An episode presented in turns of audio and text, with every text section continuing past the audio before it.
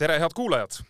podcast Suusajutud on jällegi eetris ja sedakorda küll teisipäeval, tavapärase esmaspäeva asemel, aga kõige tähtsam on järjepidevus ja väike nihe siia-sinna ei ole vast väga hullu. tänane saade on siis esimene, mis jõuab kuulajateni Pekingi taliolümpiamängude ajal ja olgem ausad,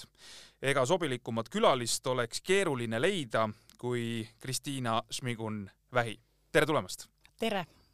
viis olümpiat, kaks kuldmedalit, üks hõbedane autasu ja kindlasti ka mõrudamaid hetki, kui ei läinud nii hästi, kui oleks ise soovinud. vastab tõele? no ta kõik vastab tõele jah, et tahtsin öelda, et kas tõesti ma nii vana olen, aga tundub, et jah, kõik vastab tõele. kõige üldisemalt, kui tänasel päeval ei oleks olümpiakulda või ei oleks olümpiamedalit, siis olümpiamänge vaadata oleks keeruline või asjad ei ole nii hullud? ma arvan, et kindlasti oleks hinges midagi kripeldanud. Äh, niisugune rahulolematus, võib-olla ma saan hea näite tuua siin. Äh, Tartu Ülikoolis lõpetasin ära, tegin bakalaureuse ära ja olin juba üliõnnelik, et no nii, kõrgharidus on käes. ja vastu tuli Tartu Ülikooli professor kes siis ütles, et mis asja, see on poolik kõrgharidus, ole mingi kõrgharidus, et see on alles algus. ja teate, kui ta selle ära ütles, siis oli täpselt see, et kas nüüd teha või mitte teha. ja see ütlus, et poolik on, see nagu sundis sind äh, jätkama. ja ma olen absoluutselt veendunud, et sa oled krabiks hinde, hinge, kui ei oleks nüüd seda magistrit ära teinud, et et võib-olla niisugune elust enesest niisugune paralleel, et et, äh, et ikkagi tõesti praegu on ikkagi väga hea tunne see, mis kunagi sai eesmärgiks pandud väikse tüdrukuna, see on täidetud ja ülihea tunne on äh, kas me võime saate käigus äh, sinatada, et siis on võib-olla lihtsalt mugavam äh, rääkida. Ähm, sel Pekingi olümpia eel siis juhtus lugu, kus ähm, Tatjana Mannimaa vanuses nelikümmend kaks, see vanus ei ole üldse mingi etteheide Tatjanale või midagi sellist, lunastas olümpiapileti. Äh, Kristiina, kui sa oleksid tänase päevani suusatanud, äh, noh, ülimalt teoreetiliselt loomulikult kõik see peab olema meeletu tahtmine ja, ja soov ja nii edasi, aga sa oleks läinud oma kaheksandale olümpiale. Ma, ma isegi, ma ütlen, ma ei ole isegi kunagi niimoodi mõelnud, minu käest on tõesti umbes sama teema pealt küsitud, siis ma pigem, ma võib-olla kiidaks just Tatjana Mannimaad, et ta nii armsalt ja nii kenasti ütles kõike, et, et tal on hea meel, aga ta tegelikult, mitte isegi hea meel, et ta oleks tahtnud, et need tüdrukud, kes treenivad hommikust õhtuni, ikkagi oleks teda võitnud, kes on äh, töö kõrvalt ja pere kõrvalt, eks ju, äh, siis käib lihtsalt harrastajana äh, suusatamas, siis tuleb Eesti meistrivõistlustele ja võidab ära, et et, et ma imetlesin seda, kuidas ta seda vastas ja tema käiku, kuidas seda kõike tegi rääkida on väga lihtne, et oleks läinud kaheksandale olümpiale, aga tegelikult äh, see töö äh, selles mõttes, et kui sa tahad olla sportlane ja teha, noh, see ei ole ju mingi meelakkumine, et väljast võib olla ilus vaadata. võidud võib-olla tulevad mõnel sportlasel väga lihtsalt nii telepildist jälgides ja mängeldes, aga reaalne elu on tegelikult midagi muud. oo oh jaa te väga-väga õigesti ütlesite kõik, et see ongi kõrvalt on väga hea vaadata, eriti tore, tegelikult jälle samas ma tahan öelda, et see on hea vaadata, näiteks kui sul on ebaõnnestunud, sa vaatad ja sa näed seda kergust, seda rõõmu, siis sul tekib endal samamoodi niisugune emotsioon ja ütleme, niisugune motivatsioon, et sa tahad samamoodi ja siis, kui sa võtad selle, eh, panedki selle eesmärgi, et jah, valmistungi nüüd olümpiaks ja võtan sealt mida iganes, noh, oma vastavalt siis enda tasemele, et mis koha või kuidas ma seal esinen. ja, ja kui sa hakkad seda tegema ja siis tulevad need raskused ja need kõik takistused ja, ja nii edasi ja nii edasi ja nende ületamine, et tegelikult see on pöörane töö, pöörane töö. praegu, kui keegi pakuks mulle, ma ei tea, suur summa, ükskõik kui suur summa see on, ma ei teeks seda ma ei teeks seda, see on absoluutselt kindel, et see on ikka pöörane pühendumus, pöörane töö, mis seal taga on ja mul on üli, tegelikult ma võtan nüüd, et mul on väga hea meel, et ma seda tegin, aga praegu ma, ma olen tihti mõelnud, et huvitav, kuhu ma selle pea ära lõin. et ma nagu, kuidas öelda, täiesti niisuguses oma munas, omas kapslis elades ainult elasid selle ühe eesmärgi nimel kas ma saan su jutust õigesti aru, et võib-olla see viis olümpiat isegi oli natukene palju, no mitte selles mõttes palju, et, et tulemuste mõttes, aga, aga selle pikkuse mõttes palju? ei, mu esimene olümpia Lillehammer üheksakümne neljandal aastal, ma olin ikka ju seitseteist, seitseteist, seitseteist, just, just. no ise ma arvasin endast ülikõva ülikõva tegijat Äh, mis ei ole kusjuures halb sportlasele, see on väga hea omadus, niisugune enesekindlus peab olema, loomulikult see pettumus ja, ja, ja kogu, kogu see ütleme, see emo, esimene emotsioon, mis sa said, mm, oli väga kosutav, hariv, õpetlik, pani kuidagi ka korralikult jalad maa peale, said aru, hakkasid rohkem oma isa austama uskuma sest tema oli see, et mina olin nagu jube vihane, viskasin oma suuski ja keppe laiali seal finišis, ta ütles, vaata nüüd, need naised on siin kümme, viisteist, kakskümmend aastat treeninud, siin nemad on. sa ei ole mitte midagi oma elus teinud, sa pole mitte kuskile, sa oled nagu suur null, et tuleb tööd hakata korralikult tegema, vot nii äh, mille pealt, äh, see, see ongi, mida sa mainisid praegu, see, et, et noored Äh, ütleme siis vanuses seitseteist, arvavad, et tegelikult lööme jalaga ukse lahti ja, ja teeme kohe siin kõva tulemuse. noh, reaalsus on pahatihti midagi muud. mille pealt see eneseusk tuleb, kas sa sellele oled tagasi mõelnud, et, et miks see noortel tuleb, see, see ei ole, sa ei ole siin erandlik näide, see, see ongi prevalveeriv või, või selline tendents, et see, nii ongi? ma näiteks ütlen, et see peabki nii olema. peabki nii olema, jah? ma olen, ma olen täiesti veendunud, kui näiteks sportlane Eh, jah, läheb eh, olümpiamängudele ja ma, ma lihtsalt lähen osa võtma sinna, no kuule siis mine ole, mine lihtsalt sõida sinna, ma ei tea, Pekingisse, osta pilet ja käi turistina seal ringi, et et ikkagi ma arvan, et kui minna olümpiale, siis sa lähed võitma, andke andeks, noh, ja sa saad aru ka noore sportlasena, et, et loomulikult see on no ma, ma ütlen teile, et loomulikult ma sain aru, et see ei ole, aga see mõte või see, see kogu see siht on ikkagi see kõige, see kõige-kõige säravam medal. Lillehammeri olümpial sa olid siis seitseteist ja parim koht oli kakskümmend seitse, kohad olid üldse sul väga stabiilsed, kakskümmend kaheksa ja kolmkümmend ka veel, et, et järelikult siis need olidki sinu kohad? jah, jah. see kaotus oli Äh, vist nendes kümnes kilomeetris pea, ma ei tea, issand, üle kolme-nelja, neli minutit midagi oli, eks ju. ja, ja, ja ma mäletan, ma olin väga äh, hea tulemus või ütleme, niisugune väikese rahulduse pakkus siis teatevõistlus, kus ma sõitsin esimest vahetust ja mind pandi tähendab sõitma, ma ei tahtnud seda sõita. Ja mäletan, äh, kes meil veel naiskonnas olid, siis äh, need tugevamad ja äh, jõulisemad nüüd ütlesid, et kui ma ikka tulen esimesena teatest tagasi ja kaotan üle kahe minuti, siis pole üldse Eesti võistkonnal mõtet minna, teate, ma värisesin stardis selle peale, sest ma ei saanud ära rikkuda midagi ja mäletan, see oli vist isegi nelikümmend sekundit või midagi sellist välbe või issand, ma ei mäleta, kes esimest vahetust sõitis venelannadel. nii et tegelikult ma tegin väga hea väga,, väga-väga hea sõidu ja, ja olin ka, seal ei olnud päris, ma mäletan, kurguhaigused ja mingid niisugune hästi kehva hooaeg oli tegelikult minu jaoks tänasel päeval eh, kohad esimese kolmekümne hulgas eh, oleks päris head Eesti koondisel, et et eh, me ei ole kolmekümne hulka veel saanud murdmaasuusatajad, sellel olümpial noh, loodetavasti saame mingil hetkel nüüd järgnevate distantside juures, et et kuidas me saaks kõrgemale? Ma, kui, kui ma oskaks seda öelda, võib-olla end nagu enda võib-olla kuidas öelda, enda kogemuste või enda niisugune tee, milline oli, et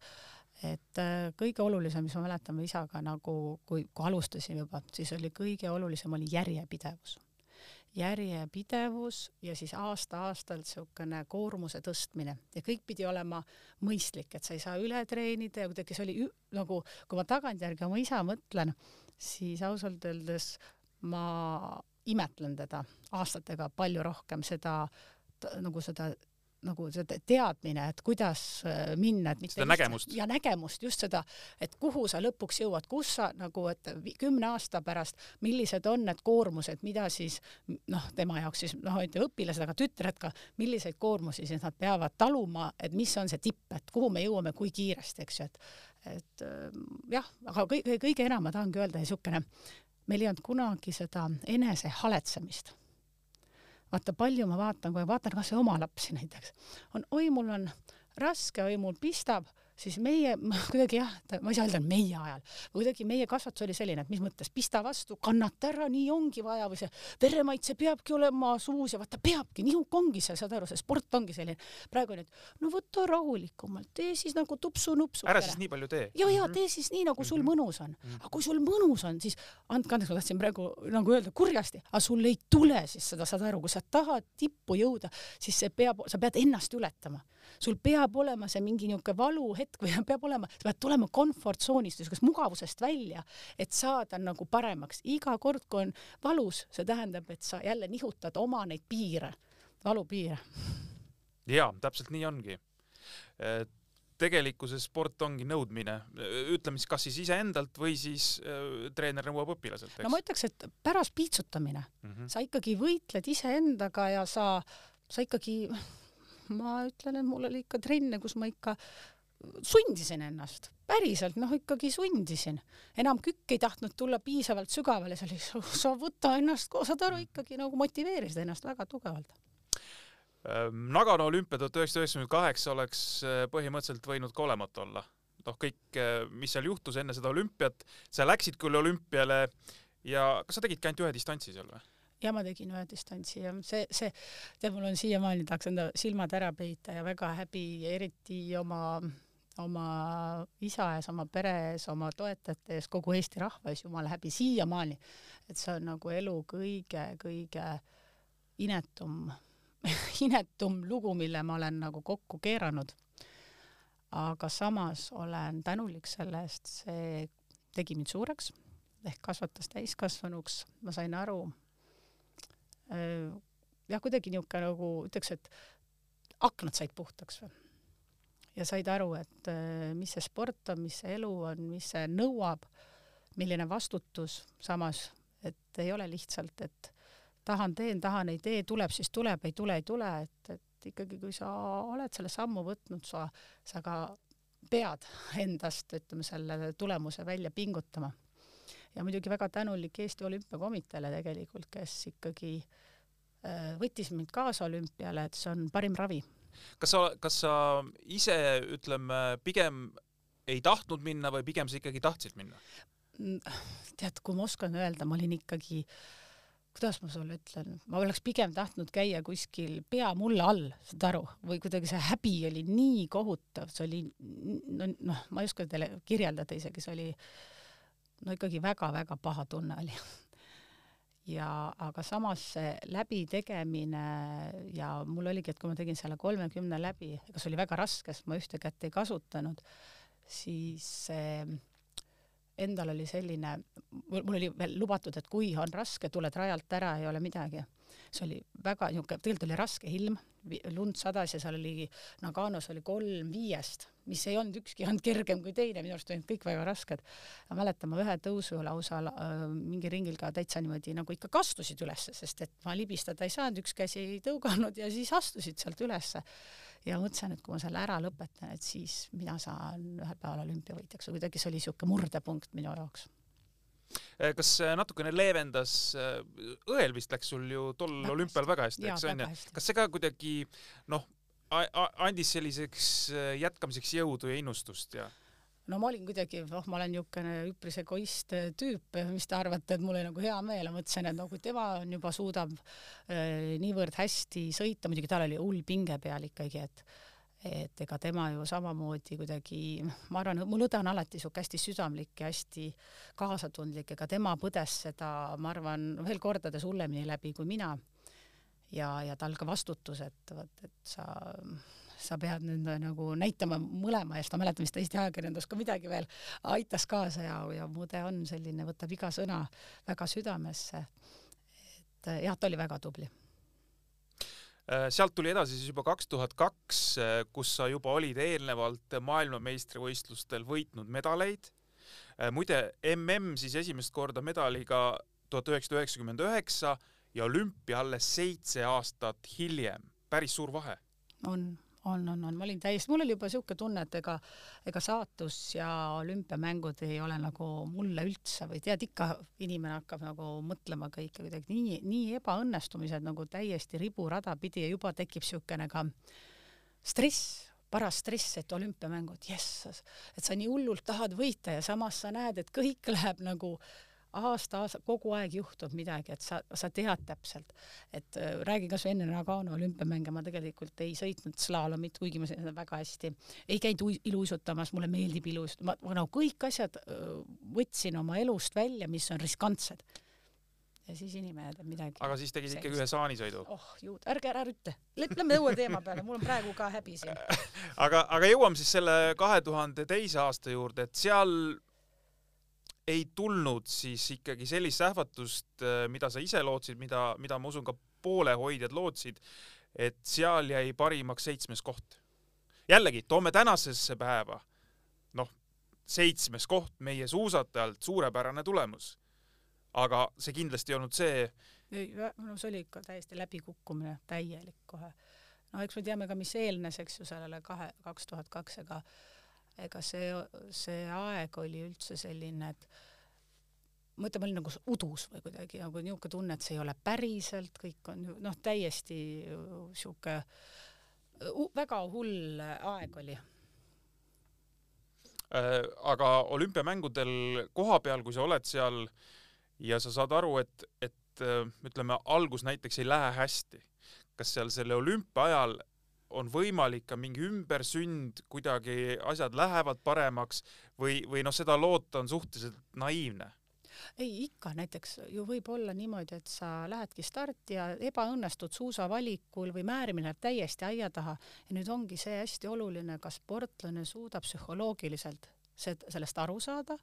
ja hästi, kuidas öelda, nagu kainelt mõelda selles suhtes, et, et oligi halb päev, viskan selle ära, ma rohkem ei mäleta seda ja lähen uuele distantsile vastu. ma ütlen teile ausalt, minu viga oli see, et ma ei, ei osanud seda või kuidagi, neil oli isa ka nii, no nii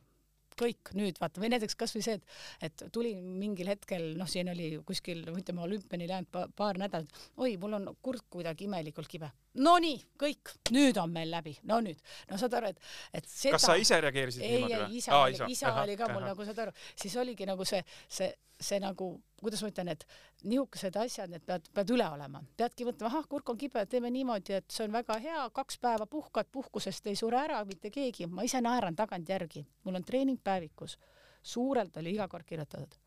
ära karda puhata et haigeks ei pea jääma selleks, et puhata. tavaliselt haigus tuleb siis, kui sa oled ülekoormatud, eks ju, jääd haigeks. ja ma kirjutasin nii tarkasid asja, asju sinna treeningpäevikusse ja sa ei, saad aru, sa ei, sa ei puhata, sa, seda sa ei julgenud võtta, see oli nagu tead niisugune tunne, et nüüd teed nii suure patu, et nagu magad ühe päeva maha, eks ju, ja siis oled väga noh, ütleme taastud ära trennidest kõigest ja siis vot, vot see, seda jah, seda ma isegi julgustaks ähm, noori, tuleb tugevalt trenni teha ja tuleb julata pu, puhata kaks asja. ja mõlemat on vaja, eks? muid, absoluutselt siin peab kõik, tippspordis kõik peab tasakaalus olema ja mitte ainult trenn, eks ju, puhkamine, toit, vaata kogu see, ütleme aga ühesõnaga, ma saan aru, et see kaks tuhat kaks Salt Lake City, seal sa ei suutnud ka ise oma pead puhtaks lüüa mm.? tead, kui sul on nagu seda, mida mulle tehti, niisugune korralik, ma ei oskagi seda nimetada, kas vastulõust andmine või ma isegi ei oska seda kuidagi öelda ja see, see nädal aega, mis kestis, ütleme, see kogu see saaga seal äh, no see viis ikka niimoodi, noh, nii madalseisu, et ega mul oli üldse, üldse selline tunne, et kas elul on üldse mõtet ja kas, et mis asi üldse toimub, et ma, ma veel selgitan, mille pärast see oli. ma ei julgenud isegi süüa vitamiine. spordijooke ma kartsin. ja siis sul tuleb selline teade, et sa oled keelatud ainet tarvitanud, saate aru, see on niisugune, et sa oled täiesti segaduses, sa oled täiesti pikali löödud, sa ei saa mitte millestki aru, et, et see oli nagu jah, sihuke kohutav aeg, kohutav aeg. aga õnneks läks elu selles mõttes edasi, et äh, ikkagi need sihid jäid ja spordi tegemise isu jäi tähendab ei, ma mõtlesin, nüüd kaks tuhat kaks tegelikult, kui hooaeg lõppes, siis ma läksin ju Ameerika Ühendriikidesse inglise keelt õppima ja ma mõtlesin üldse, et ma võib-olla enam üldse ei tee sporti ja ma ei tea, niisugused täiesti nagu. aga ikkagi tulid täitsa sellised mõtted ka? jah, ma tahtsin mm -hmm. üldse lõpetada, mõtlesin, et see on täitsa noh, no ei sobi mulle see asi ja, ja ja võib-olla ei saagi ma mitte kunagi ja, ja kuidagi läksin sellest keskkonnast ära täitsa jah, õppisin ja ja elasin niisugust üliõpilase elu ja võtsin, ma ei mäleta, kuus pool kilo juurde ja tulin koju ja aga kui teate, see õnnetunne või kuidagi tulin tagasi, kuidagi see mõttemaailm läks korda sai. ma tulin tagasi ja mäletan, isa vaatas mind, mis nüüd on, ma ütlesin, nii ma lähen nüüd MM-ile ja võidan ära seda ära, et nagu ma olen jumala valmis, ma teeme ära nüüd selle hooaja, jumala hästi, et me hakkasime juuni, tavaliselt hakatakse mai lõpust, eks ju, hakkab suusataja põhja laduma, põhja mhm. laduma mm, -hmm. Siis ma alustasin seda, oli vist juuli, juuli kümnes või mingi selline. aga noh, muidugi ma olin, kui ülikoolis õppisin, siis ma ikkagi eh, käisin trennis ikka, iga päev ma tegin mingi korralikku trenni ikkagi aga sõin korralikult ja, ja nautisin nautisin üliõp, üliõpilase elu. nii et äh, jah, et sihuke väike ka ütleme, sihuke muudatus või et sul pea saab selgeks või et seda tuleb ka julgeda teha, et mul lihtsalt kuidagi jah, ütleme, et olid õiged inimesed kõrval, kes, kes julgustasid, et viskasin välja, et kuule, nüüd ma vist teen õppimise ja öeldi jah, väga hea mõte, mine nüüd kohe. et andsid siukse tõuke ja siis tuli see särav Torino olümpia kaks tuhat kuus, loomulikult mitte pärast kohe seda, millest sa praegu rääkisid, et mm -hmm. mõni aasta läks veel mööda, et olümpia on iga nelja aasta tagant mm, -hmm. aga tõuge oli olemas selleks? Äh, ütleme, hästi suur enesekindlus andis kaks tuhat kolm, siis oli väga kehva mm tuli ju kaks tuhat viis ja mul on väga hea meel, neljas koht oli täiesti ebaõnnestumine üks MM-il ja aga see oli täpselt see hetk, kus ma siis põhimõtteliselt MM-iga mul oli selline, nüüd sai hooaeg läbi ja ma hakkasin valmistuma olümpiaks. Ja just seda, et leida tausta, taust, ütleme see taustajõud kõik paika saada, et oleks korralik määrdemeeskond, et oleks äh, sul psühholoog, siis tuli veel, võtsin hingeprootoni vaata veel endale äh, meeskonda, et, et just nagu ütleme ka rohkem niisugune psühholoogilise poole pealt, see, et ma oma isa treenerina uskusin ja austasin, see oli nagu sada protsenti, seda ei suutnud keegi nagu ümber veenda, aga ma vajasin kuidagi iseenda mõtete ja tunnete selgeks tegemist inimest, kes täpselt nii nagu ütles, aitas mind Mare Pork ja Inge Proten, kes nagu, kellele ma rääkisin asjad ära. Ja nemad ainult olid kuulajad ja pakkusin kõik variandid välja ja oma mõtted välja ja siis öeldi ainult väga hea mõte. Siis oli ah! Ja siis sa läksid niisuguse hästi mõnusa niisuguse enesekindlusega, mm, ütleme nii trenne kui kogu see emotsioon oli niisugune hästi ülev. et see on umbes niimoodi, et äh, sa nüüd mõtled tegelikult need oma peas ikkagi need õiged vastused välja, aga sa, kui sa oled sportlasena üksinda, siis sa võid jääda kahtlema, kas see ikkagi on õige, aga kui tuleb äh, nii-öelda õige inimese poolt kinnitus, jah, see on õige siis sa usud seda sada protsenti, jah? see on uskumatu ja vaata, see on nagu, mulle tihti küsiti, et no mida see psühholoog siis sulle nagu annab, mis ta annab sulle? oota, mida, mida ta sulle siis soovitab, mida ta sulle siis nagu räägib, mis äh,? ma räägin ise kogu aeg. Ta küsib küsimusi ja, ja siis ma annan ise vastused ja ise leian enda tee et ma teen kõik asjad ise, aga on nagu inimene, kes aitabki sind, ütleme, need kõik need sammud läbi mõelda ja omal pea selgeks teha ja sa tead inimest, sa saad nagu kuidagi ennast tühjaks rääkida. ja sa lähed kuidagi iga kord, kui oli see kasvõi Mare Borgiga või Inge Prootna kohtumine, pärast seda läksid nagu siukse tiivad olid sul, sa olid nagu täiesti siukest rammu ja, ja, ja kogu siukest eh, head tunnet täis, et sa mainisid korra ka taustajõud, et eh, kahe tuhande kuuendaks aastaks olümpiaks eh, olid väga hea noh, taustajõu komplekt sul või, või et kõik oli, vajalikud inimesed olid olemas. kas seda varem ei olnud äh, või, või ütleme, mõned lülid olid puudu? no tegelikult no hakkas, me kogu aeg, me iga aasta kasvasime me kogu aeg kasvasime ja kuidas ütelda, ja need teadmised tulid, ega ei olnudki neid teadmisi nii palju nagu, nagu varem ja kuidagi siis äh, ja muidugi, et see aeg ja see olukord ja ütleme see, et ka, ka sportlane ise on see, kes siis ütleb. sulle ei öelda, et noh, nüüd piisab viis inimest siin, ei, mul ei piisa, mul on vaja keegi, kes teeb klassika, parim klassika suusamääri on mul vaja, vot seda, mul on seda vaja. no nii, ja see on veel oluline, et sportlane ise tegelikult võtab need telefonid ja hakkab neid asju ajama, sest see on niivõrd hea kool saad aru, see on ka nagu iga väike võit jälle lähemale millegi või siuke enesekindlus toob see juurde, issand, kui ma mäletan selle mm, Maik-, Mihhail Asleriga, kui teda endale tiimi ma arvan, läbirääkimised käisid terve suve ja mäletan septembris ma olin veel Ramsoo laagris äh, ja käisin jällegi Rootsi koondisega laagris ka esmakordselt oma elus nädal aega muidugi, aga see, see oli väga äge ka jälle. ja, ja, ja teate, kui see sai selle, et no sa oled mind nii ära väsitanud juba, Kristiina, sa oled nii ära väsitanud, teeme ära siis, ma tulen. ja siis oli siuke tunne, et mägedes karjad, et sa oled juba nagu mingisuguse võidu saanud, et et jah et tegelikult tulebki, et sportlane peab ise käima oma toetajaid rääkimas, sportlane, sest et see annab ka seda enesekindlust, see kuidagi motiveerib neid tulemusi saama, et see on oluline. kindlasti on erinevaid näiteid sportlaste iseloomust, aga minul on jäänud mulje, et äh, kui sportlane tahab läbi lüüa, siis ta pole, peab olema heas mõttes jonnipunn, selles mõttes jonnipunn, et nõudma nii iseendalt, teistelt, olema nii-öelda see okas tagumikus, seda on võib-olla vahest väga keeruline välja kannatada. aga kui sul seda iseloomuomadust ei ole,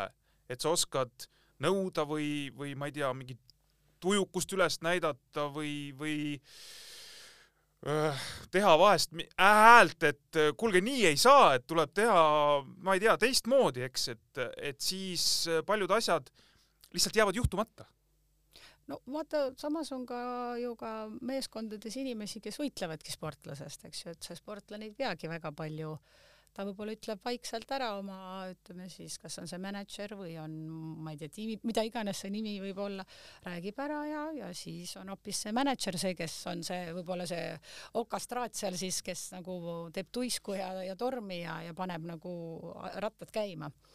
Eks ma ütlengi, et ega see, samas ma ütlengi, et see kogu meie siis äh, meeskond tegelikult ju kasvaski läbi kogemuste ja läbi ütleme ka, ega kogu meeskond peab tahtma äh, ütleme seda võitu, siis, siis alles see võit tuleb, et ei ole nii, et kellelgi on suva, et, et kujuta ette, et ikkagi määrdemehed ärkavad üles öösel kell kolm, mõnikord kell kaks, eks ju. see eeltöö, see on ikka nagu see ei ole nali, see, see ja see, seda näiteks olümpiamänge, kui võtad, see ju kestab ikkagi mitu nädalat, eks ju, noh, mitte mitu, noh, kaks nädalat põhimõtteliselt, eks ju, kes on suusatamises ja enne sinna ju veel seda ränka tööd ja veel aastaid ette, kui käia ja testida neid lumeolusid ja, ja see, ütleme, täna, täna on ikkagi see suusasport läinud ikka nii tehniliseks et kui ma siin paar aastat tagasi oma õemehe Knut Nystadiga rääkisin, tema oli siis ähm, Norra koondisel ja, ja, ja mina viskasin nalja, et noh, näed, et mis struktuuri te panite, siis ta vaatas mind, oo kuule, see on juba mingisugune kahekümnes sajand, et see on nii arenenud, et siukse asja nagu üldse, need on mõttetud asjad, et, et kõik nagu kogu see suuskade alla need mustrite tegemised ja ma, ma ei tea, mis teadus seal veel on. et see on nii kõvasti arenenud. kakskümmend üheksa olid sa siis, kui see suur hetk Torinos kätte jõudis? Äh, tuletan siis meelde, et seitseteist olid sa esimest korda olümpial.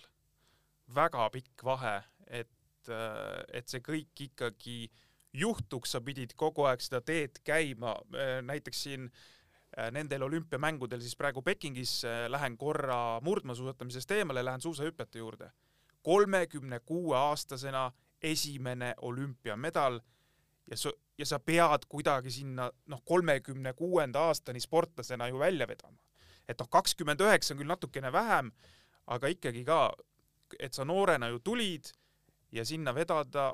no nii nagu sa rääkisid, et tegelikult oli siin üles-alla, eks? jaa, no nii nagu elu igal alal on ju üles-alla, et iga päev ei ole pidupäev. mõnikord tuleb nutta ja mõnikord saad naerda ja mõnikord on niisugune tunne, et pakid kõik oma asjad ära ja tead, et oled täitsa mõttetu tüüp siin maailmas üldse, lootusetu. ja siis jälle ühel hetkel tuleb niisugune, leiad kuskilt seal niisuguse särava kuidagi niisuguse idee või mingi, ma ei oska öelda, ma olen ikka siin rääkinud, et ma olen nii tänulik sellele kaheksa-aastasele tüdrukule, kui ma olin kaheksa-aastane ja oma olümpiavõidust unistasin, et et nii mäletan neid hetki, kui oli, et aitab küll mulle ja siis tead niimoodi, et et noh, pekki, vabandust, ma väljendan sellest, aga sa, sa pead, noh, tee ära, sa ei saa, sa ei saa sellest lahti, sellest äh, plik-, plikakesest su seest, kui sa seda ära ei tee, saad aru, ta käib ja tüütab sind. et no, no, no see, see oli nagu, saad aru, mul nagu kuidagi ei olnud valikut, saad aru, ma ei oleks saanud rahu iseendaga et ma ise mõtlesin, et kui ma selle olümpiavõidu saan, kas see tüdruk kaob ära ja jumal tänatud ta kadus ära, et ta ei käinud mul enam nagu niimoodi, kuidas öelda, surus nagu või no motivaator, no midagi ei ole teha, et et, et see, see, see oli see lapsepõlve, see unistus, see oli see kõige-kõige ägedam asi, mis üldse on maailmas loodud. kas olümpiavõitudega ja nende suurte eesmärkide kättesaamisega, see ei pruugi, noh, ütleme näiteks sinu puhul olümpiavõit, kellegi teise puhul võib-olla midagi muud kas motivatsioon, motivatsioonilaegas ei saa sellega täis, et pärast seda sporti teha on, on keeruline? Mm, jah, ta on nagu tühi tunne tuleb korraks või et äh, mäletan jah pärast äh, Torino olümpiavõitu äh, Äh, kui läksin sedasama metsa jalutama, kus ikka olin käinud ja kus olid mul oma mingid kuuseksed ja kiviksed, mis on see mets, kellele ma olin kõike, tema teadis must kõike, siis ma käisin ja rääkisin oma rõõme ja muresid. Ja siis ühel hetkel lähed ja kuidagi tühi on. Või siukene, sa lähed ja sa näed, et appikene, et need kuused ja on hoopis teist värvi, sa ei pannud tähele neid, sest sa oli hoopis teised kuidagi ja sa pöörad tähelepanu loodusele, mingi linnulaulud, kas tõesti linnud laulsid siin metsas, on neid tõesti nüüd oravaid nii palju, kuidagi teistsugune oli see, see, see, see maailm. vot. aga teisest küljest on jälle see, et kui sa oled nii-öelda saavutanud äh, kõrged eesmärgid, see tähendab, sa oled tipus, sa oled hea, miks peaks äh, sportimise maha jätma? ei, vaata, kõige olulisem on, kui on motivatsioon või tahe kui sul on see tahe, siis ma iga kord ütlen, kui ma küsitakse, mis sa arvad, et kas lastest tuleb midagi, kas sinu lapsest ka tulevad sportima? ma ütlesin, noh, mina võin tahta ja mu abikaasa võib tahta ja me kõik võime tahta, aga kui nemad ei taha, et kui sa, kui sa ikkagi sportlane tahab, siis selle tahte vastu ei saa mitte keegi, sest sa, sest see on nagu sinu siht ja sinu tee ja sa lähed ja teed seda. et see, see oli minul küll jah, et, et et lihtsalt see tahe oli nii suur, aga jah, kui ma nüüd lähen tagasi selle küsimuse juurde, et pärast seda oli tõesti raske. ma olen tagantjärgi mõelnud, et oleks pidanud seal kaks tuhat seitse siis pärast olümpiat isegi hooaja lihtsalt niimoodi rahulikult võib-olla rohkem puhkama seal ja alustama treeningut ja kuidagi nagu võtma rahulikumalt aga kaks tuhat kümme olümpia, ma nüüd vist hüppasin nagu läksin teemast ette. ei, ja, ja räägi, räägi. et kui kahte tuhat kümmet võtta, siis ega mul ju sündis kaks tuhat kaheksa, eks ju, tütar ja siis mingil hetkel, kui ta oli ära sündinud, ma olin täiesti veendunud, et kõik. et see kodus olemine oli lihtsalt nii tore. nii tore oli see, et teed, mida beebi järgi kõik elad, ei pea hommikul vara üles kuidagi, ei pea kuskile asju pakkima, see koduelu oli nii, nii vahva aga, aga see mõtted jah, et veel olümpiale minna, see tuli üldse tänu eh, selline ettevõte või ma ei, jah, ettevõte Figuurisõbrad, kes on siis kuna kaalulangetajad, eks ju, et valusid mulle, et kas ma tahaks nende reklaami näoks tulla. ja mõtlesin, et oh, et võiks küll, aga ma ei saa nagu inimestele rääkida, kui tore asi see on, kui ma ise ei tea, et ma pean kindlasti selle läbi proovima või katsetama, et mis asi see üldse on. ja võtsin siis endale aja tegin seda programmi läbi, panin endale loomulikult nii nagu sportlasena ikka, ma olin harjunud, et eesmärk, mis ajaks ma mitu kilo olen ära kaotanud, kuidas ma olen hakkama saanud, kõik panin paberile kirja. ja, aga muidugi ma saavutasin oma eesmärgi kordades kiiremini. põhimõtteliselt kahe poole kuuga kaotasingi üle kuue kilo, vist peaaegu seitse kilo. Ene-, ja muidugi tegin trenni ka, hakkasin trenni tegema, tüdruk oli kuuekuune koos käruga ja, ja ma läksin nii heaks, ühel hetkel nägin, et need mm, meesterahvad, kellega ma tavaliselt, kes jooksid kogu aeg mu ringi mööda, järsku ühel hetkel avastan, et issakene, ma jooksen käruga. Ja ma jooksen neist mööda. et kuulge, mul on potentsiaal, ma pean olümpiamängudele ikka, ikka peaks veel ühe medali, et ja kuidagi sai õhku visatud ka pärast kahe tuhande kuuendat aastat äh, see, et ma vist küsisin, noh, mis nüüd, mis nüüd, siis ma ütlesin, et mul on puudu mm, olümpiamängude kümne kilomeetri vabatehnika, vot tahaks seal võita, vot see medal oleks puudu, siis mul oleks nagu kõik on noh, nagu oleks nagu täiesti rahul. no ja selle eesmärgiga siis sai harjutatud, muidugi tagantjärgi, kui nüüd vaadata, siis jäi väheks aega. et, et oleks ikkagi pidanud pool aastat äh, rohkem trenni tegema, et, et kuidagi väga kiiresti kaob ära treenitus. no seda nad räägivad kõik, et kogud, kogud aastatega seda vundamenti ja siis, kui mingil hetkel tekib paus paganama kiirelt kaob kõik. jah, on küll jah, see võhm, just see võhm, ütleme see vastupidavus, et, et väga hull on võistelda niimoodi, kui su silmad ja ütleme, see vaim, vaimutahe on kord sada meetrit eespool ja su keha lihtsalt ei tule järgi ja sa, kuidas ma ütlen, sa pingutad sa nagu ütleme, pigistad ennast nagu juba tühjaks läinud lima, sidrunid ja pigistad ja pigistad ja sealt sa, sa, sa saad aru ka, et ei tule enam, aga on vaja veel ja on vaja veel, et see on niisugune no ei, no ei ole hea tunne, ma ütlen, et ma olen alati nautinud võistlemist ja seda valu, aga vaata sellel hetkel jah, kui see nagu see valu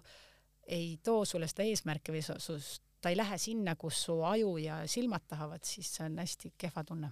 no lõppkokkuvõttes muidugi, olgem ausad, ei läinud ju kehvasti. ei. hõbemedal, ma saan aru, et, et äh, olümpiavõitja lagi on alati kõige kõrgemal mm., aga poodium? ei, muidugi tagantjärgi, kui ma mõtlen, et, et see oli nagu ülikõva, ausalt ülikõva tulemus, et ma suutsin selle ühe ära, noh, oligi vot see hooaeg oli kuidagi huvitav, et teed oma ühe stardi ära ja ma taastusin kaks, kaks nädalat läks aega, et jälle oleks suutnud võistelda, vaata see oligi, et lihtsalt ei olnud füüsiliselt nii tugev enam. Äh, samas vanuses, kui sina olid äh, oma viimasel olümpial, äh, võidutseb praegu Pekingis Therese Johaug. tema tuli maailmakarika karusselli siis, ütleme, kui sina hakkasid äh, vaikselt lõpetama, et ähm, kas, äh, kui sa, kui sa mäletad, äh, kas, kas toona oli siis ütleme selliseid märke ka, et, et temast võiks tulla selline superstaar, nagu ta on olnud, et siin, ma ei tea, maailmakarika etapivõite pea kaheksakümmend, neliteist maailmameistritiitlit, noh, loomulikult koos teatesõitudega ja nüüd siis äh, Pekingis sai oma esimese individuaalse olümpiakulla, aga vaadates seda esimest sõitu, siis neid kullasid tuleb veel. tead, ma kuidagi nii ei vaadanud, vastus on see, et ma ei vaadanud niimoodi, aga arvestades kuidagi ise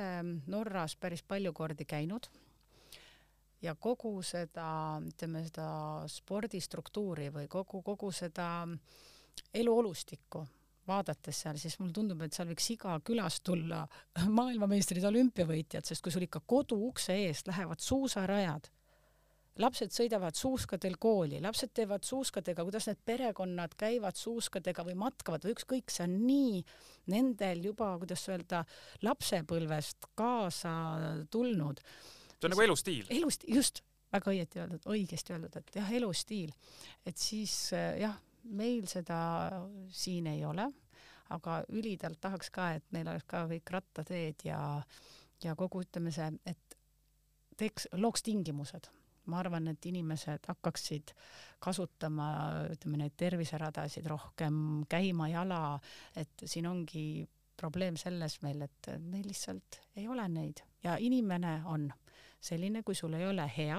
kui sul ei ole mugavaid asju, siis sa neid lihtsalt ei tee jah, et kui sul suusarajad äh, lähevad kilomeetrite kauguselt äh, metsa sisse või ükskõik kuhu, siis kindlasti vähem inimesi jõuab sinna metsaradade juurde. on küll on selles suhtes, et sa, sa ikkagi vaatad, aa, et ma pean nüüd, ma suusatama lähen, ma pean panema, pakkima autosse asjad, panen ennast riidesse, kulutan selle aja ära, aga mõtle, kui tore, kui ma enda maja ukse eest panen suusad jalga ja lähen sõitma, muidugi me võime valida, kus me oma selle elukoha siis äh, tahame. Otepääl ju oli nii, eks? no meil oli väga äge jah väga tore oli jah natuke nagu ütleme siis ikka eesmärgid ja seda ma mõtlen just niisugust nagu tervise spordi vaatenurgast või ütleme elustiili vaatenurgast, et valingi, et lähen äh, rattaga tööle või lapsed lähevadki jala kooli, eks ju, et, et sellised valikud. aga sa mäletad äh, ikkagi Johaugi tollest ajast, ütleme siis, mis ta nüüd on meil äh, kaksteist, neliteist aastat tagasi või siis olid ju noh, suured konkurendid olid sul ikkagi teised, mitte Johaug tõesti, vaata ei, ei, ole jah mm, -hmm. ei ole. oli Kalla ja Björgen ja, ja, ja Neumanov ja sellised nimed, et praegu on ikka täiesti uus, uus, uus põlvkond nagu. põlvkond. Äh, olümpiamängudel on nüüd nendel Pekingi mängudel äh, on juba juhtunud ka see, et äh,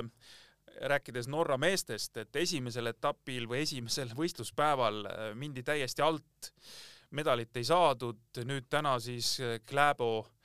võitis meeste sprindi, võitis teist olümpiat järjest sprindidistantsi. esimesel distantsil oli ta neljakümnes, et ähm, kas seal on võimalik nendes oludes, nagu Pekingis on, hästi külm, noh, selles mõttes, et, et seal ei ole mingit äh, mängimist üles-alla, et ühel päeval on miinus, teisel päeval plusstemperatuur, mis teeks ülikeeruliseks võib-olla suuskade määrimiseks, leida need õiged suusad. et kas on võimalik, et norralased ikkagi esimesel päeval äh, panid äh, määrimisega puusse? vot ma ei ole neid kommentaare kuulnud, aga täiesti muidugi võib, muidugi võib. et tuleb kuidagi endal paralleel Sapporo maailmameistriks kahe tuhande seitsmendal aastal äh, Jaapanis siis mm,. täpselt samasugune olukord, ma mäletan, et enne starti valiti, noh, ütleme seal valiti mulle välja kolm paari suuska, öeldi, et need on need kõige parimad, kõige kiiremad, et vali nüüd see lõplik otsus. ja proovisin neid ja proovisin ja tulen tagasi, kas meil tõesti paremaid ei ole, kuidagi nad on täiesti kinni no täiesti kinni, et ma nagu pean noh, ikkagi nagu kohutavalt palju jõudu kasutama, et üldse nendega sõita ja, ja olingi, olimegi ka hästi keerulises olukorras, et olid lumeolud teistsugused, ilmastik, no ütleme, et see kliima võib-olla, ma, ma ei teagi, võib-olla see ka mõjutas seda lund. aga jah, et kui sa ikkagi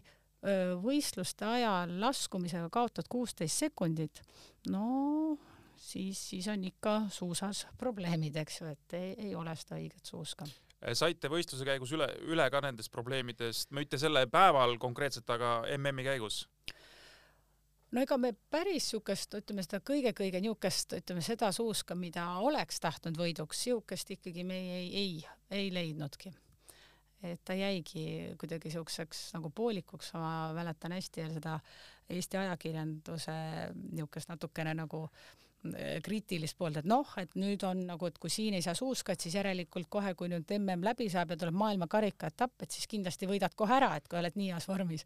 no ma midagi ei öelnud, aga tõesti, ma võitsin siis ähm, lahtis oli maailmakarika, siis ma lahtis maailmakarika võitsin ka päris eduka ja pika vahemaaga ära, et et vormil polnud midagi häda, jah, tõesti see, ma ütlen, see suusasport, eriti ma arvan, tänapäeval ta on hästi tehniliseks läinud ja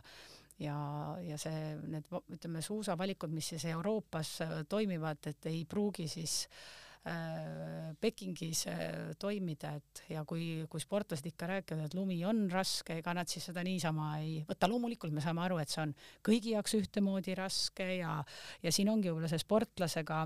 ütleme, psüühika siis, et kuidas keegi äh,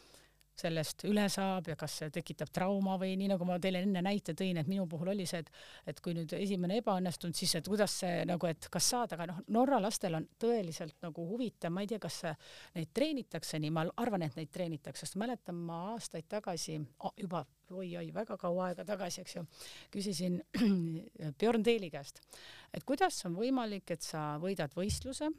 ja järgmine päev võist-, võidad võistluse ja jälle võidad võistluse, no mis sa siis nagu see mõttes on ja ta ütles ägedalt, aga ma unustan ära, et ma võitsin. ja ma arvan, et täpselt selle kaotusega on sama asi. ma unustan ära, et ma kaotasin ja ma hakkan puhtalt lehelt, et ma olengi uus päev, uus võimalus ja, ja no, lähen. sellest sa rääkisid ka seesama Salt Lake City olümpia näiteks, et mida sa noh, ütleme, seal on erinevad põhjused võivad mm, olla, eks on ju,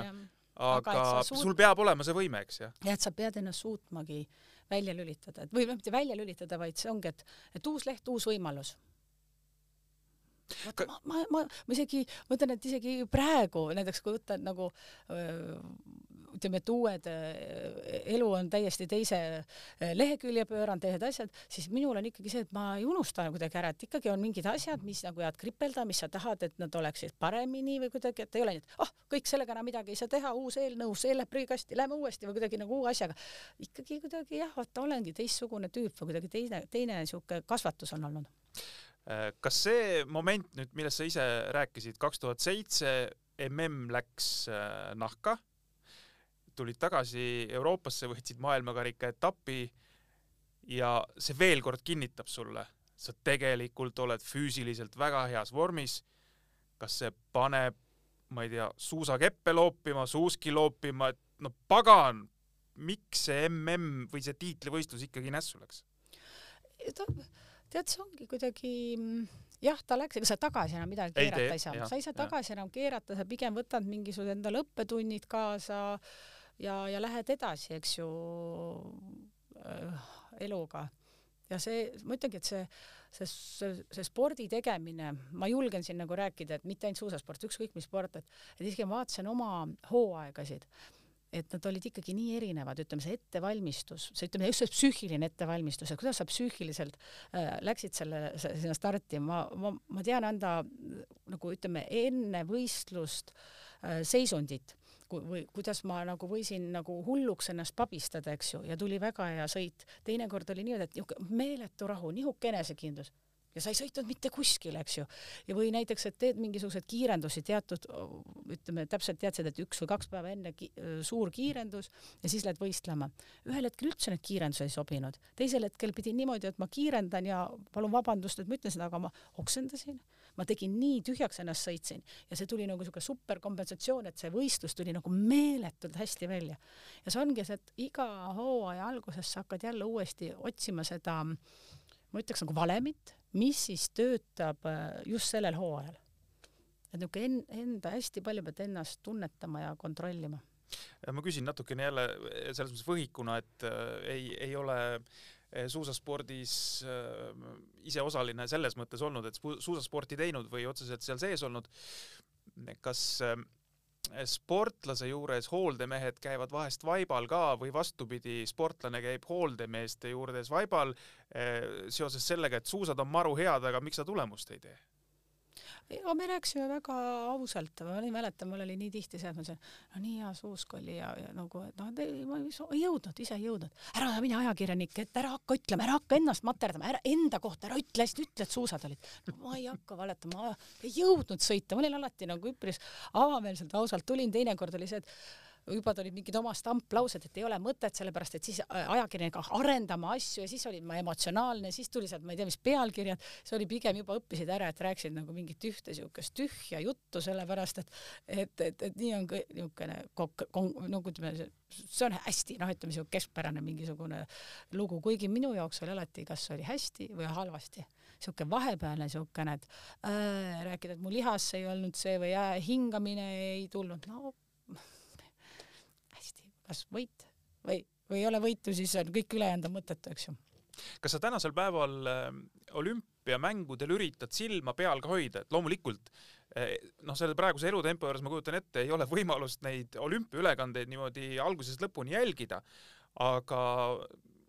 ma ei tea, päeva lõpus, et äh, korra üritaks teada saada, mis olümpial toimus? no, no ikka selles suhtes, et mul on tihti see, et äh, vot ei taha nagu mingisugused, ütleme, et nädalalõpudki või et pigem nagu võtad ikkagi ka lapsed ja lähed teed mingi suusasporti või midagi nagu sporti teed ja sa ütled, pärast tulen vaatan järgi. no tänapäeval on nii ebahuvitav, sellepärast et juba need pealkirjad löövad kõik sulle ära ja siis sa hakkad võistlema, sa juba tead, kes võitja on. ja kuidagi siis ei ole seda enam nii huvitav vaadata, et, et jah info on niivõrd suur, aga ma ütlen, et mulle väga meeldivad võistlused, kus ikkagi Eesti sportlane või see on hoopis teist, teistsugune emotsioon vaadata. absoluutselt. kas suusaaladest, just ma ikka pean silmas murdmaasuusatamist, on ka mingi selline distants, mis sulle rohkem korda läheb kui teised, et sa miskipärast Äh, ma ei tea, tahaksid rohkem jälgida või oled huvitatud, kuidas suusavahetusega läheb, kuidas sprindis läheb, ma ei tea, kuidas klassikadistants, et, et või, või, või siin ei saa mingisugust vahet olla? tõesti ei, ei ole. üldse ei ole, võib-olla lihtsalt on nüüd ühistardivõistlusi on väga noh, huvitav vaadata kui eraldi stardist ja, ja pean tunnistama, et näiteks laskesuusatamine on nagu täiesti uskumatult äge spordiala. muidu ma alati pean, vabandan, et ma olen öelnud, et laskesuusatajad, laskesuusatamist tegid need äh, suusatajad, kes ei jõudnud suusatada, eks ju, võtsid omal püssi selga, et sai vahepeal puhata. aga nüüd ma ütlen, et see on üks väga äge spordiala ja ma väga hoian pöialt, et meie Eesti laskesuusatajatel läheb väga hästi. kas äh, murdmaasuusatamist äh, peaks ka põnevamaks tegema, midagi välja mõtlema või siis juba läheb, ma ei tea, mingi teise spordiala kopeerimiseks? täna ma ütlen, loomulikult peaks, eks ju, lähme edasi, aga kui ma ise tegin ja mäletan, tuli see suusavahetus, küll me kirusime ja küll me mõtlesime, et on ikka, on ikka ogarada, siis kui endal läks hästi, ma noh, saab hakkama pole viga, pole viga, et päris okei okay,, et, et saab hakkama küll, eks ju, et, et eks see, vaata, et ikka inimene on see, et sulle meeldib niisugune rutiin, aga ma arvan küll, et tuleb, tuleb teha asju kuidagi noh, või mõelda, mis on atraktiivne, sest et kui vaadata, et, et kuidas see publik ja, ja toetajad kõik, et sul on vaja ikkagi see spordiala teha, teha ägedaks. kui ütleme siin mingid ajad tagasi oli suusaringkondades eelkõige hinnatud, ütleme, Eesti suusataja või ütleme siis nagu teatud või, või tuntud, siis tänasel päeval tuleb öelda, et äh, hooldemehed, no need on kõik igal pool juba pikemat aega tegelikult mööda maailma laiali erinevates tiimides, nad on väga hinnatud ja, ja juba hakkab tegelikult äh, ka treenereid, noh näiteks Kein Einaste on Šveitsi koondise meeste pealik, et äh, nüüd on, nüüd ongi nagu, nagu sportlased on praegu noh, natukene nagu maha jäänud. Jah, jah, et tõesti, et, et kui võtta, siis äh, ma isegi ütleks, et et kui ma võtan oma sportlaskarjääri, kuidas me hakkasime arenema, kasvama, ütleks, et meiega koos arenesid ja kasvasid ka ajakirjanikud ja kogu see, ütleme see no ka hooldetiim, eks või? ütleks ka Eesti mm -hmm. rahva armastus, ütleme, mingi mm -hmm. spordiala vastu ja see teadmine sellest spordist, ütleme, huvi selle spordiala vastu ja kui see nagu vaibub, siis tõesti jäävadki need, ütleme, need top määrdemehed kes on treenerid, eks, kes on tulnud ütleme ja, ja, ja, ja lähevadki maailma, eks ju, sest et see, kes maksab, see, eks ju, ütleme ikkagi hea määrdemees ikkagi maksab ikka korralikku raha, väga korralikku raha. Äh, no tänasel päeval, ütleme, suusamaailmas äh, on ka selline noh, ma ei tea, kas, kas öelda nüüd päris vastasseis, aga, aga Norra, noh, kahtlemata tooniandja ja teiselt poolt siis nagu Venemaa, kes ka ikkagi noh, kuidagi pakub sellist vastasleeri. et äh, kas see nüüd vii-, viib ala edasi, on see hea, kui on selliseid äh, vastasseise, no mõnes mõttes on ju hea, kui elus on vastasseise, et siis järelikult midagi toimub, kui kõik käiks kogu aeg sõbralikult ühte sammu, võib-olla olekski natukene igav ma, ma ei saa täpselt aru, mida sa. ei, ma lihtsalt sa..., ei, ma tahtsin küsida seda, et kas see on hea, et tegelikult suusaspordis ei mõelda päris ühtemoodi. ei, absoluutselt. jaa ei, absoluutselt ei peabki olema, tegelikult ongi kurb, et ta nüüd, eks ju, Norra ja äh, Norra ja Venemaa, eks ju, ja, ja, ja nemad siis nagu, et, et teised on siis nagu vaatavad, kummalt poolt see tuul paremini või leebemalt puhub, et sinnapoole võtavad oma suunad. ja tegelikult ongi, ütleme, konkurents, eriarvamused, see on ju see, mis viib, viib edasi ja see noh, mõnes mõttes ju müüb ka, et selles plaanis, et sa oled pildis ja, ja siin me ühes saates, ma ei mäletagi, kellega me täpselt sel teemal rääkisime, aga Peter Nordhug äh, avaldas, et, et miks ta mingeid asju tegi, et saada tähelepanu, et saada, ma ei tea, suusatamine ükskõik mismoodi pilti ja, ja siis püsib äh, huvi selle ala ümber. et loomulikult peab ilusaid asju ka juhtuma, ei saa olla kogu aeg ainult mingid skandaalid yeah aga põhimõtteliselt lihtsalt, et peab ei, olema pildis. kui, kui nagu, kui sa, kui ma olen tihti mõelnud seda, et, et kui oleks nagu öö, võimalik olnud nagu praegu, eks ju, sporti teha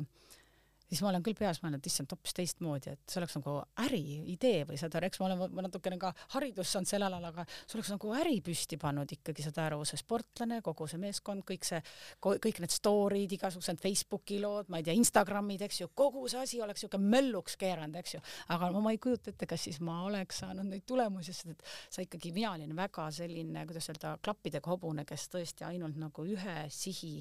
peale oli suunatud. ma mäletan, ma isegi ei tahtnud, kui oli jälle Tallinnasse vaja sõita ja, ja mul lisati treeningpäev ära ei anna, puhkepäev, et tuleb puhkepäev, mingi sponsor, mingi üritus, asi, ma saan iga kord, et oh, jälle mu see puhkepäev, ma kulutan ära, et mõtle Otepäält sõita Tallinnasse, sina oled paar tundi pärast tagasi, see oli niivõrd väsitav. ma iga kord üritasin, kuidas saaks nagu ära nihverdada, et ei peaks minema, et saaks oma puhke ja isa veel oli selline, kes ei, ei andnud trennipäevast ei tulnud, see oli puhkepäev, oli siis see päev, kus nagu sa said midagi sellist teha. et muidugi praegu mul idee lendab siin, aga, aga sportlasena ikkagi ma arvan, et jah, sa pead olema kuidagi rohkem pühendunud. aga noh, jumal teab, võib-olla on nii, et enne starti teen oma Instagrami videot, eks ju, ja siis lähen starti ja siis vahepeal võtan oma telefoni välja, sest tänapäeval vaatad, noored ju mõtle, nad ju, telefon on nagu nende üks keha osa ju lausa, eks ju, et nad ei, see, see on nagu, see on elementaarne, et see telefon ju kogu aeg, et ma arvan, et juhtub imesid veel, vaatame aitäh, Kristiina, tulemast suusajuttude podcasti. päris lõpetuseks ma küsin, et äh, no meil on väga suur lootus nendel mängudel, äh, mitte küll murdmaasuusataja, aga ta on freestyle suusataja mm -hmm. Kelly Sildaru. Äh, kui suurte pingetega, mis sa arvad, kui suurte pingetega või ootustega ta peab maadlema, et noh, kõik, ta teab ise ka, et ta on võimeline mitte medalit võitma, ta on võimeline kulda võitma, et noh, ma ütlen, sul endal on samad, samad äh, teemonid olnud kaasas siis ütleme niimoodi olümpiamängudel, et kui, kui raske see on? ma toon ikka, ma ütlen, et see on tegelikult äh, üliraske, ausalt see, see pinge, see ikkagi on kohutavalt suur. Ja nüüd ongi see oskus, kuidas sa oskad sellega hakkama saada, tegelikult seda ma treenisin ju tegelikult seda, et sellega hakkama saada, et see ei ole äh,